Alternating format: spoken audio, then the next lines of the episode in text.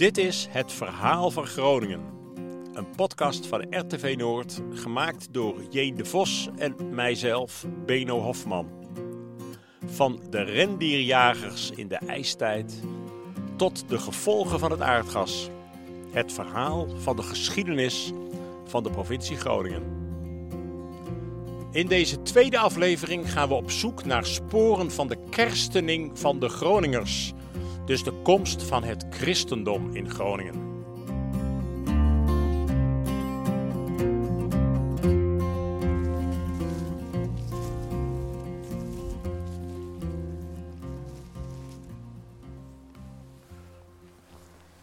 Ik loop hier met Jan Zuidema de Helwerder Wierde op. Dat ligt tussen Rotterdam en Usquert. Jan, wat is dit hier? Ja, dit is een hele oude wierde van het uh, Groninger landschap.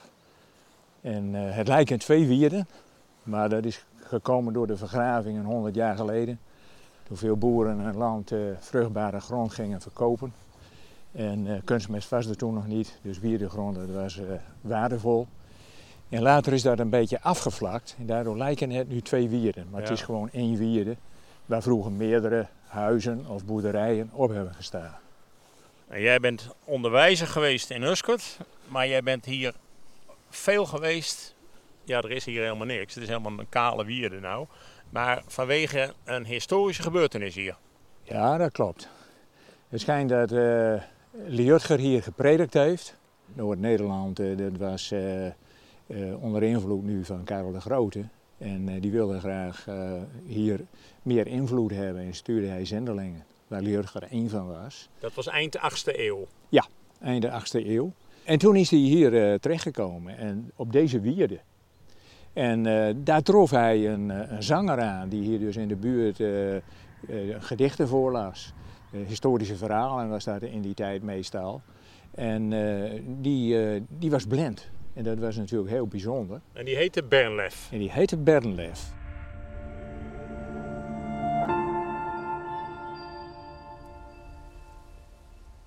Nou, als je je verbeelding even laat spreken, dan zou dat hier hebben plaatsgevonden. En dan zie je ook de blinde uh, Bernlef. Die zie je daar staan met een soort harp in zijn hand. En uh, het schijnt dat die blinde Bernlef weer ziende is gemaakt op deze wierde. Dus dat was wel een mirakel. Ja. En wat is jouw idee daarover? Uh, nou, mijn ogen zijn niet 100%. En ik kom veel bij oogartsen, maar in die tijd lijkt me het sterk. En dan heb je het over uh, 780 in die buurt, 785. Ja, dat zo'n wonder natuurlijk niet, uh, niet gebeurd is. Maar dat er misschien, want blend is blend. En als je helemaal niks meer kunt zien, lijkt me een mirakel. Maar hij kan bijvoorbeeld ook droge ogen hebben gehad. En dat met, met water in de ogen of met een doop, dat daardoor hij beter weer kon zien. Ja, maar het verhaal was natuurlijk belangrijk om dat voort te vertellen. Bernlef moest iets beloven hè, aan Liutger. Klopt, hij moest het stilhouden. En pas na de dood van, uh, van Liutger mocht hij erover vertellen. En dat heeft hij dus gedaan, want anders wisten we dit niet. Nee, precies.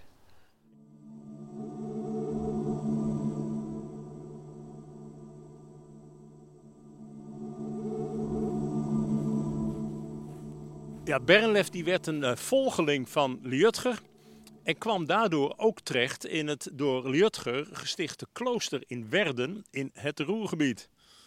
Nou, en daar werd het leven van Liutger beschreven en met de overlevering van Bernlef ook het wonder dat hij zou hebben verricht. Nou, ik kijk hier nog eventjes naar, naar die wierden. Lopen mooi schapen op.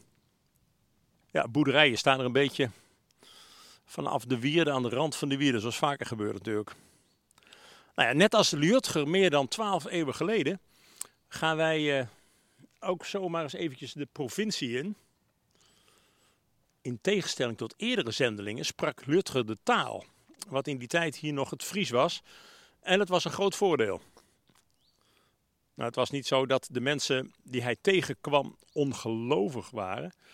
Uh, Germaanse goden gaven hun in het vaak onzekere bestaan wel een houvast.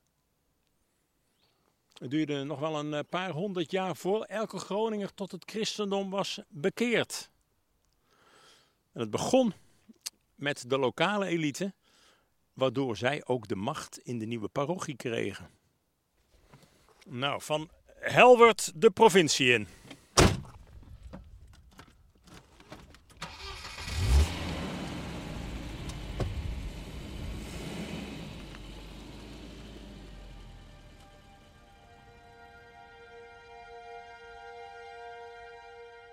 Overal kwamen er kerkjes.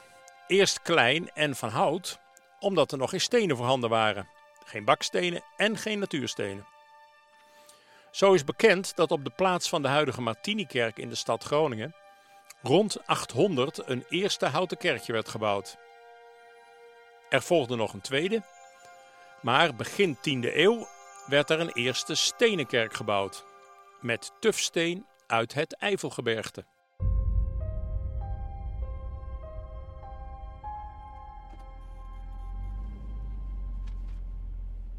Ja, tufsteen uit het Eifelgebergte. Dat eh, werd ook niet alleen in de Martinikerk, maar ook in andere oudste kerken van de provincie gebruikt. Een mooi voorbeeld staat in Leermens, eh, waar we nu maar eens heen rijden.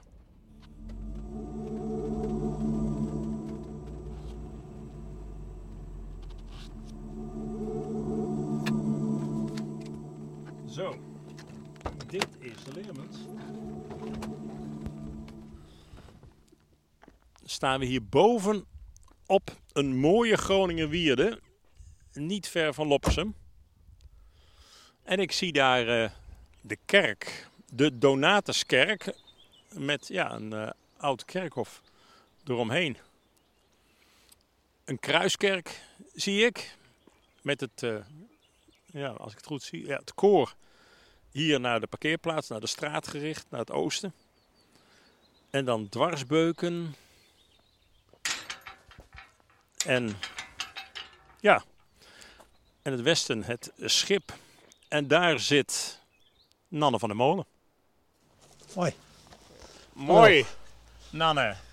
Jij bent uh, kenner van deze kerk, hè? Nou, kenner, ik, uh, ik geef rondleidingen en daardoor weet ik een beetje van de kerk. Ja, nou een beetje. Ik, ik hoop genoeg voor, uh, voor ons verhaal. Um, ik had al even gezegd, van dit, hier zit tufsteen in, hè? Ja, ja, het oudste deel van de kerk. Je loopt er nu heen? Ja, dat is uh, het schip, het oude schip. Het voorste, het meest westelijke deel van de kerk, het schip. Dat is het oudste deel van de kerk. Grote was de kerk uh, ook niet. Toen, uh, nee, was het uh, dit, ja, even kijken, ongeveer de helft van wat het nu is in lengte? Nog, nog minder ongeveer. De, nog minder? De, de kerk is in drie, drie eeuwen gebouwd. En in de late 10e eeuw, begin 11e eh, eeuw is begonnen met het schip. En dat is grotendeels opgetrokken uit tufsteen, vulkanisch gesteente uit de Eifel. Je ziet het ontzettend goed hier eigenlijk, ja, hè? Ja, dat is heel duidelijk. Het is uh, ongelooflijk goed gebleven, ondanks dat het toch een vrij zacht uh, gesteente is. Maar ik zie hier eigenlijk al, het zit hier al een, een kruiskerk in. Ja, dat is een eeuw, later, uh, is het oude schip is verhoogd. En zijn de dwarsbeuken nagebouwd. Dat was dus in de 12e eeuw. Maar dat gebeurt ook nog met tufsteen?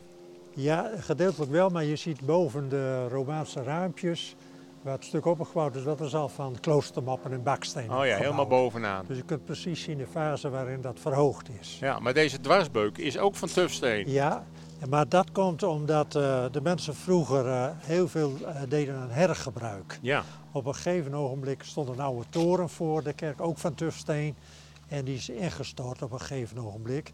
En toen kwam er heel veel uh, tufsteen vrij. En dat is hergebruikt in de dwarsbeuken. Steen was heel duur in die Ja. tijd. Vandaar ook de uitdrukking steenrijk. ja. Als je veel steen had, dan was je rijk. Kunnen we ook even de kerk in, eh Nanne? Dat kan ook.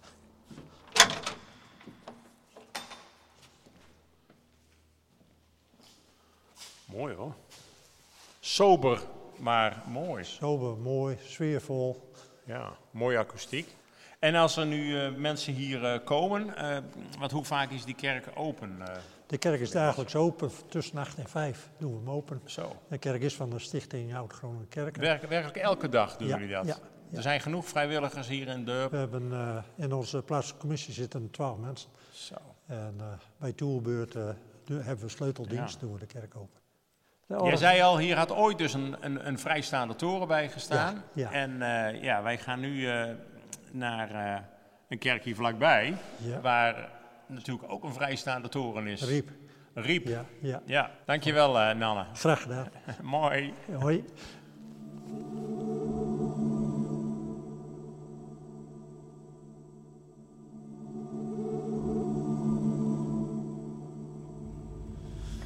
Er zijn hier heel veel van die middeleeuwse kerken in de buurt van Leermens. En ik rij nou naar Zeerijp, Riep in het Gronings. En daar heb ik afgesproken met Jurbe Kooi, de bouwkundige van de Stichting Oude Groningen Kerken.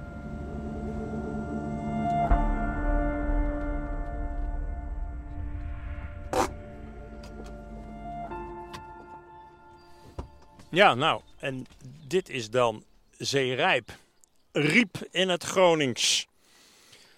Het is eh, ontstaan op een hoger gelegen eh, oeverwal van de oude rivier de Fivel. En eh, Riep, Groningse naam, dat st- staat voor rand eigenlijk, Riepen. Zo, dit is echt een, een kolossale kerk voor zo'n klein dorp. Dag Jur. Ja, goeie, goedemiddag eh Ja. Reno. Jij zei eh, laten we afspreken in Zeerijp. Want waarom? Nou ja, Zeerijp heeft heel veel inzicht van de middeleeuwse kerkbouw. Het is een kerk die eh, in prachtige volle glorie er staat. Een eh, laat Romaanse, bijna gotische kerk. Een losstaande toren waar ook altijd vragen over gesteld worden, over de losse torens. En het is een Romano-gotiek die heel bijzonder is voor het Fries-Gronings-Duitse Waddengebied. En 1200 dan gebeurt het. Dan is er een bouwexplosie. Dan komen de kloosterlingen hier, de monniken, en die nemen de baksteenproductie mee. De kennis daarover. Het is altijd heel eenvoudig, zeg ik, een rondleiding eh, in een Groninger kerk te houden. Je kunt haast altijd zeggen in aanleg 13e eeuws. Ja, en eh, daar komt ook het begrip kloostermoppen vandaan. Van die kloosterlingen die die blokjes klei eh, gingen bakken, daar komt die kloostermop vandaan, ja. Handgebakken, allemaal verschillend van vorm. Groot formaat, heel groot formaat. In eerste instantie hebben ze die blokken klei, die blokken baksteen, hebben ze net zo groot gemaakt als die blokjes tufsteen. Dus dat is groot. Dat zijn wel eh, stenen van, eh, van 12 bij eh, 25 centimeter.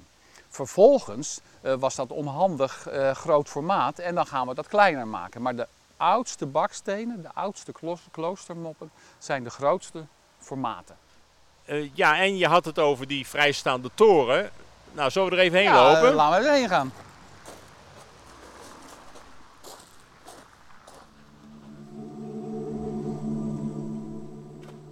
Ja, een toren eh, waar je onderdoor kunt eh, gaan. Is het zo dat, dat die voornamelijk die, die vrijstaande torens vooral in Groningen voorkomen en in de rest van Nederland eigenlijk niet zo? Klopt. Ze komen voor in Groningen en in Noord-Duitsland. Ook niet in Friesland. Het is een heel specifiek element van hier. En ehm, wij breken ons al heel lang over de vraag waarom de torens hier nou los zijn. Ehm, daar zijn wel gedachten bij. Ik als bouwkundige zeg, waarom zou je hem niet loshouden? Want een toren zet heel anders dan de kerk. En het voorkomt problemen door hem los te houden. Anders krijg je, dat zie je ook als kerk en toren in één zijn, zie je daar ook de scheuren ontstaan. En een hele belangrijke, wij zien het altijd als kerk en toren in één. Maar de torens waren eh, van oorsprong hadden ook een veel belangrijker profane functie. Eh, ze, het waren de weinige stenen gebouwen. Hè. De kerk en de toren waren steenachtig. Dus ze waren ook ideaal om je te verdedigen tegen den bozen vijand. Ja, Eh, de dorpelingen die konden eh, bij geval van eh, gevaar met z'n allen die toren in. Ja, en dat is wel heel leuk hier in Zeerijp, waar wij nu staan.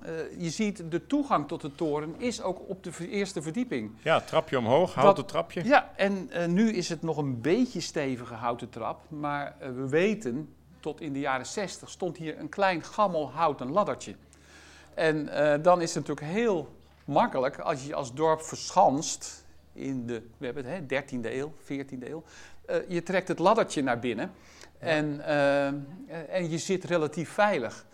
En dan hebben we ook nog iets gevonden, want de vijand was ook niet gek. Die rookte mensen uit.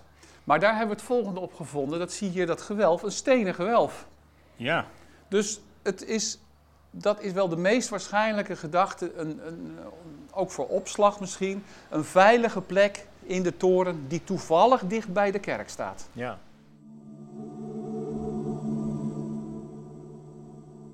En dan gaan we nog even naar de kerk zelf. En jij weet de deur wel te openen, want jij Ik, eh, bent als bouwkundige. Ik, eh, iedere deur is voor mij. Oh, hij is op slot. Je hebt de sleutel bij je, Jurgen. Ik heb de sleutel bij me. Dat, eh, Enorme sleutel. Zo'n hele grote, bijna middeleeuwse sleutel.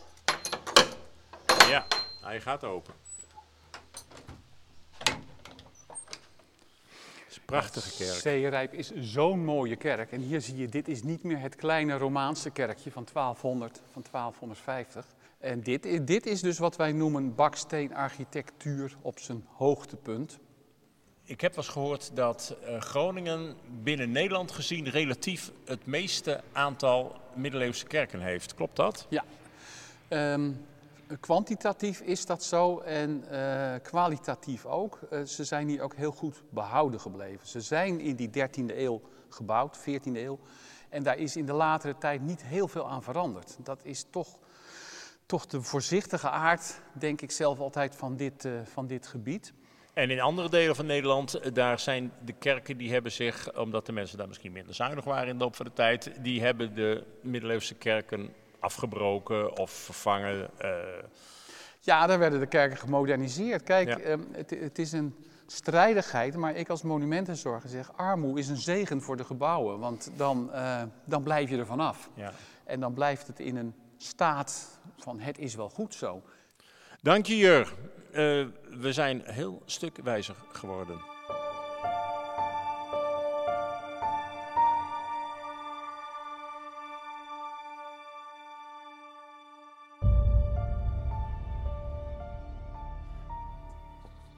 Nou ja, dat waren dan de, de eerste kerken. In de provincie ontstonden er na die eerste kerken ook kloosters.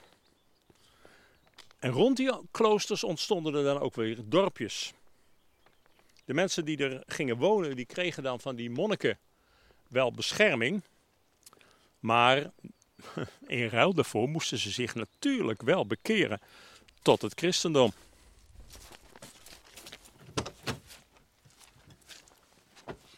Op zoek naar de kloosters.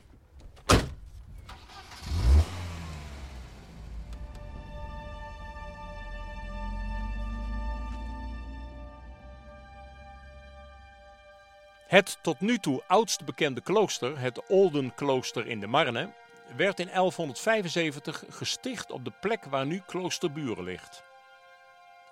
Dit was een klooster van de Premonstratenser orde. Ook de twee andere grote 12e eeuwse kloosterorden, de Benedictijnen en de Cisterciensers, stichten nog voor 1200 kloosters. De eerste in Veldwerd, dat is tussen Losdorp en Holwierde, en in Tezingen. De laatste in Aduard.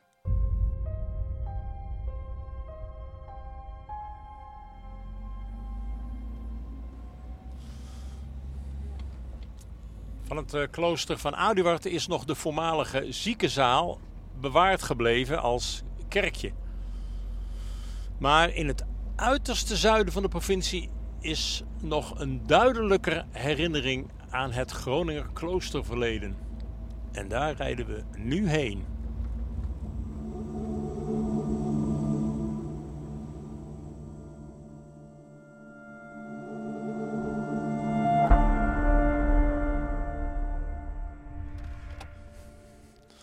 Het is hier eh, prachtig, want we zijn nu in Westerwolde het deel van de provincie Groningen helemaal tegen de Duitse grens aan. En eh, ja, we zijn bij Ter Apel. Ik heb geparkeerd hier bij het, uh, het Boshuis. Dat is uh, de parkeerplaats hier bij het Kloostermuseum in Ter Apel. Ja, die kloosters in de 13e eeuw breidden het aantal kloosters flink uit. Zo stichten de Dominicanen, de Franciscanen en de Johannieters in de provincie ook kloosters. En de laatste, dat waren de kruisheren. En daarom zijn we hier. Kruisherenweg zie ik ook als straatnaam. Nou, uh, op het hoogtepunt telde de provincie Groningen ja, meer dan 30 kloosters. Zoals ik het al over Aduard had, zo zijn er op uh, veel plekken in de provincie nog wel restanten van kloosters.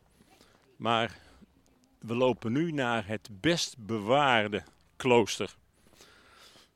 Dat dus van de kruisheren was. En ik heb hier uh, afgesproken met Margriet van Klinken, de directeur van het kloostermuseum. De deur is wel los, zoals we in Groningen zeggen. Dus ik kan gewoon naar binnen lopen. Niet zo snel, uh, Margriet. Uh, die monniken liepen toch ook niet zo snel, denk ik? Nee, dat is waar. Waar lopen we heen, uh, Margriet? Wij lopen nou richting de Kanunnekenkerk. Denk om de ja, kijk op- en uit. afstapjes.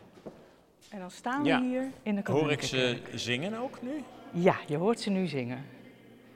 Ze zijn helaas niet fysiek aanwezig, Nee. maar je hoort ze nu Ja, wel maar zingen. je, je krijgt wel die, eh, die sfeer mee. Ja, absoluut.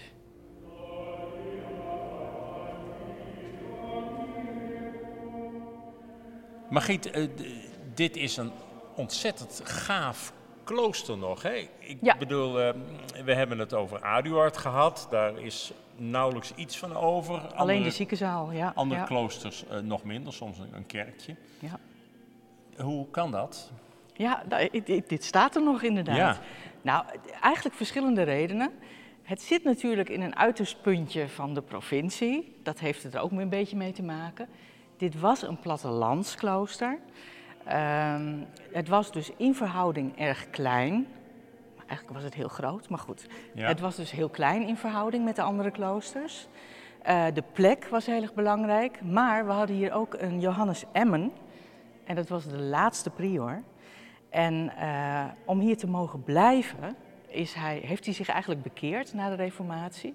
En toen heeft hij protestantse diensten gedaan. En eh, hij is nog getrouwd, heeft een kindje gekregen, dat weten we allemaal. Maar omdat hij hier nog was, heeft hij er gewoon voor gezorgd dat dus alles hier is blijven staan. Ja, dat was dus de, de kerk. En nu lopen we in een kloostergang, noem je dit, toch? Ja, de kruisgang, kloostergang. kruisgang? Ja, ja, klopt. En dat is helemaal rond een binnentuin. Ja, inderdaad. Moeten we hier door? Ja, Kruidentuin staat er op de deur. Ja, Ja, zo noemen we hem nu. ja. Vroeger heette dit het Pandhof. En eigenlijk was dit een eh, begraafplaats voor de kruisheren. Oké. Maar later is hier dus een tuin van gemaakt. Ja, En we zien hier nou, bijna 200 verschillende soorten kruiden, planten. Eh, heel veel dingen zijn gebruikt eh, vroeger in de middeleeuwen, want daar letten we echt op. Dit is ook echt van onze collectie. En eh, ja, de meeste zijn medicinaal. en dit is ehm, even naar de begintijd van het klooster eh, terug. Wanneer is het klooster gesticht? Nou, ze zijn officieel begonnen in 1465. 1465, Ja. dat is dus heel laat voor. Late middeleeuwen, ja, Ja, absoluut. kloosters. Ja. En ehm, ja, die kruisheren, dat had met de kruistochten te maken? Ja, de orde van het Heilige Kruis. Ja. Ja. Het zijn geen kruisridders, even voor de duidelijkheid. Het zijn kruisheren. Dat is dus weer een andere, andere tak. Ja. ja. Je moet je voorstellen, ehm, toen de kruisheren hier woonden, het is een hele grote klooster-enclave geweest. Dus er was een watermolen, er was een bak- en brouwhuis, er was een poorthuis. En wat nu nog eh, te zien is, is dus het conventgebouw. En daar lopen we nu dus ook rond. Ja. Ehm, alleen dat gebouw is al zo ontzettend bijzonder. Dat moet je eigenlijk een keer meemaken. Want het is niet alleen maar zien, het is voelen. Het is, je, je, je hoort stilte.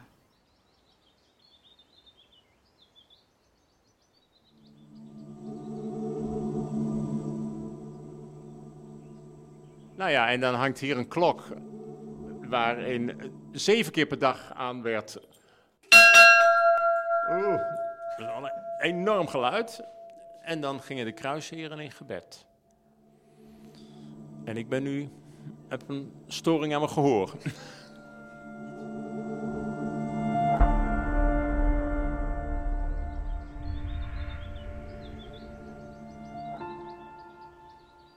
Ja, je ziet hier nu heel wat wandelaars. Want het is een prachtig wandelgebied. Het klooster, het voormalige klooster staat hier helemaal tussen de bomen. Ja, het boshuis, ik zei het al, uh, dus het zegt genoeg. In de middeleeuwen, toen het hier gesticht werd, was het land hier totaal anders. Het was allemaal kaal en onherbergzaam. Maar uit de archeologische opgraving is gebleken dat hier omstreeks het jaar 1000 al een nederzetting was. Ja, de voorloper van het huidige Ter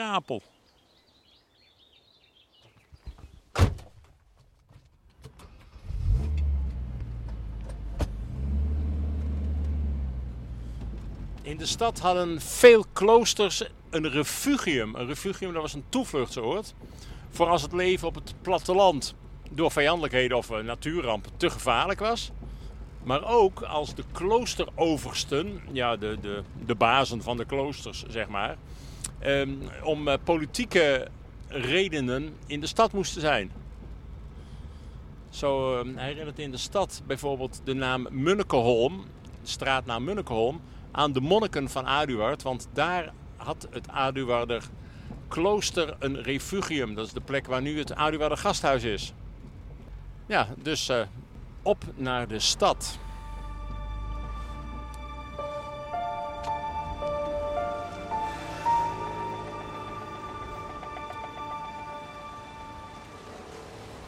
In het centrum van Groningen, Oude Ebbingenstraat. En we lopen in de richting van het Martini-kerkhof. Nou, je kunt het je helemaal niet meer voorstellen, maar waar we nu langs lopen, daar was in de middeleeuwen zo'n groot kloostercomplex. En dan kun je daar natuurlijk helemaal niks meer van zien op dit moment. Maar uh, er is wel een uh, straat die daar nog aan herinnert. Ik ben ook uh, heel benieuwd hoe de kennis is van de geschiedenis van een straatnaam. Weet jij waar de straatnaam de Jacobijnenstraat vandaan komt? Nou, ik heb wel enig vermoeden. Uh, Jacobijnen, iets met, met een of ander geloofsgroepje of zo? Wat is het? Dat uh, was een heel groot kloostercomplex hier van de Jacobijnen of Dominicanen. Precies. En dit was eigenlijk de, ja, de zuidgrens van het complex. Ja. Ja, nou, wij lopen verder richting Martine Kerkhof. Plezier.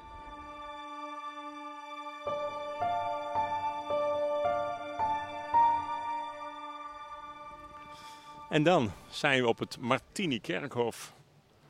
Prachtige plek, vol met bomen. Dat was ooit natuurlijk helemaal niet zo. Aan de ene kant van het Martini Kerkhof de Martini Kerk. En aan de andere kant het Prinsenhof. Nou, de naam geeft al aan dat het stadhouderlijk hof is geweest. Maar zo is het niet begonnen. Het, uh, ja, je zou denken, dit is ook een uh, kloostercomplex geweest. Maar strikt genomen was dit geen kloostercomplex. Dit was het huis, het, het, de gebouwen van een groep vrome en van eenvoud houdende katholieken. Je zou zeggen een soort katholieke woongemeenschap. De Broeders des Gemenen Levens. En het is uh, ja, nu een hotel met grand café en restaurant. Maar als je daar naar binnen loopt, goeiedag, dan kom je hier in het Grand Café. En dat is heel mooi gerestaureerd. En daar zie je dan nog de oude kerkramen. Dit is het grote huis in 1490 gebouwd door die broeders des gemene levens. Ah, toen, die, eh, toen die broederschap al lang ter ziele was, toen eh, werd dit een woonhuis van de eerste bisschop van Groningen. Voor die tijd en ook weer na die tijd hoorde dit allemaal tot het bisdom Utrecht. Maar die eerste bisschop, ja, die had wel een beetje pech, want die overleed hier aan de pest.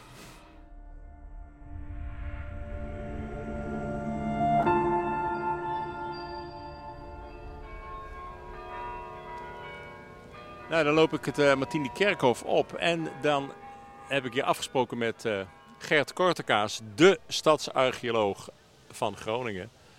Dag Gert. Dag Benno. Hier heeft ook een kerk gestaan, hè?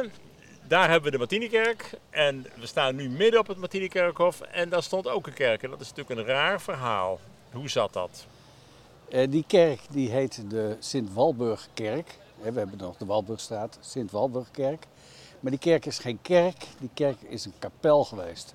Een eigen kapel van de bisschop van Utrecht.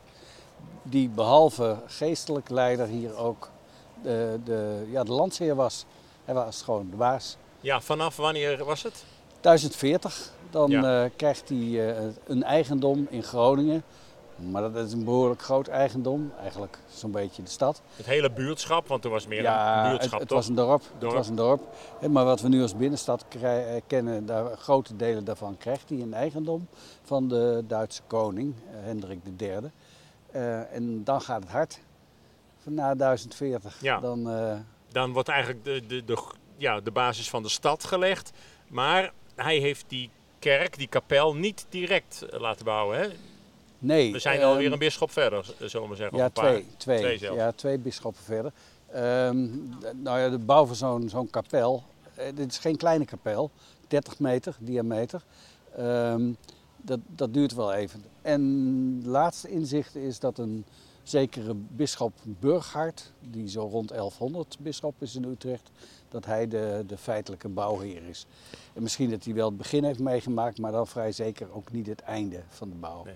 En waarom liet hij dat bouwen? Want de Martinikerk was de parochiekerk. Waarom vond hij het zo nodig om hier een eigen kapel te hebben? Um, dit, uh, Groningen uh, is in het Oversticht, hè, dat is dan het stuk uh, Drenthe en, en, een klein stukje Groningen. Dat is het meest noordelijke puntje van het, het, wereldlijke bezit en ook het kerkelijke bezit van, van, van het bisdom Utrecht. En ja, je wil jezelf daar een beetje profileren, stel ik me voor. Je, je maakt een statement en dat statement is een twintigzijdige kapel met een toren. En in een redelijk open landschap en zeker met zo'n toren die boven alles uitstak, kon je alles in de omgeving uh, in de gaten houden, als het ware. Ja. En vanuit de omgeving kon je ook die toren en, die, uh, en de verhoogde rotonde, de, hè, de centrale deel, uh, die, kon je, die kon je ruim zien. Van Ja. grote afstand. Dus je kon zien, hier begint het bisdom Utrecht. Maar de Groningers die hadden niet zoveel met die bisschop, hè? met die eh, heerser van verre. Ja, dat is later. In de, in de, in de 13e eeuw dan, eh, dan, dan wordt het hier een beetje een vrijgevochten bende. Eh, Utrecht doet niet zoveel meer hier. Eh, die Groningers die redden zichzelf al. Die hebben hun eigen eh, plekje veroverd in, in, de, in de stad die er dan is. Eh, en willen het graag voor, zelf voor het zeggen hebben. Die, die maken zelf wel uit wat goed is voor hen. Ja. Ja, dat levert eh, ellende en trammeland op. En de Walburgkerk wordt als vesting gebruikt. In het begin gaat het nog fout, dan, dan delven de Groningers het onderspit. Maar zo vanaf de 13e, 14e eeuw, dan is die bisschop vertrokken. Dan uh, is het exit. En daarom is hij uiteindelijk ook, de, toen was hij al zwaar beschadigd, maar is hij uiteindelijk ook afgebroken door de Groningers. Maar Gert, wat we nu natuurlijk willen weten, we staan hier midden op Martine Kerkhof en, en, je zou denken er is niets meer te zien van die Walburgkerk. We weten, je noemde het al even, de straatnaam, waarbij de meesten zullen denken waarom heet het hier Sint-Walburgstraat. Wat is er nog over van de Sint-Walburgkerk? Hoe kunnen we een beeld krijgen hier? In 1990 hebben ze zich daar het hoofd over gebroken en in het kader van de stadsmarkering. Dat was Toen- 950 jaar Groningen, hè? 950 jaar Groningen. Was het plan eh, gemaakt om die Walburgkerk te markeren. En dat is een kunstwerk van, eh, een hoekig kunstwerk van Paul Virilio. Wat staat op de plek waar in de opgravingen hier een waterput is gevonden. En deze put die staat in een segment, een van de twintig segmenten van de Walburgkerk.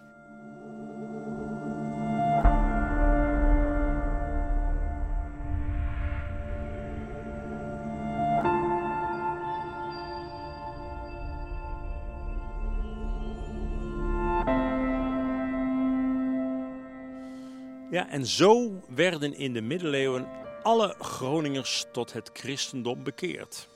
Maar tot een vreedzaam bestaan leidde dat geen zins. Maar daarover meer in deel 3 van deze podcastserie.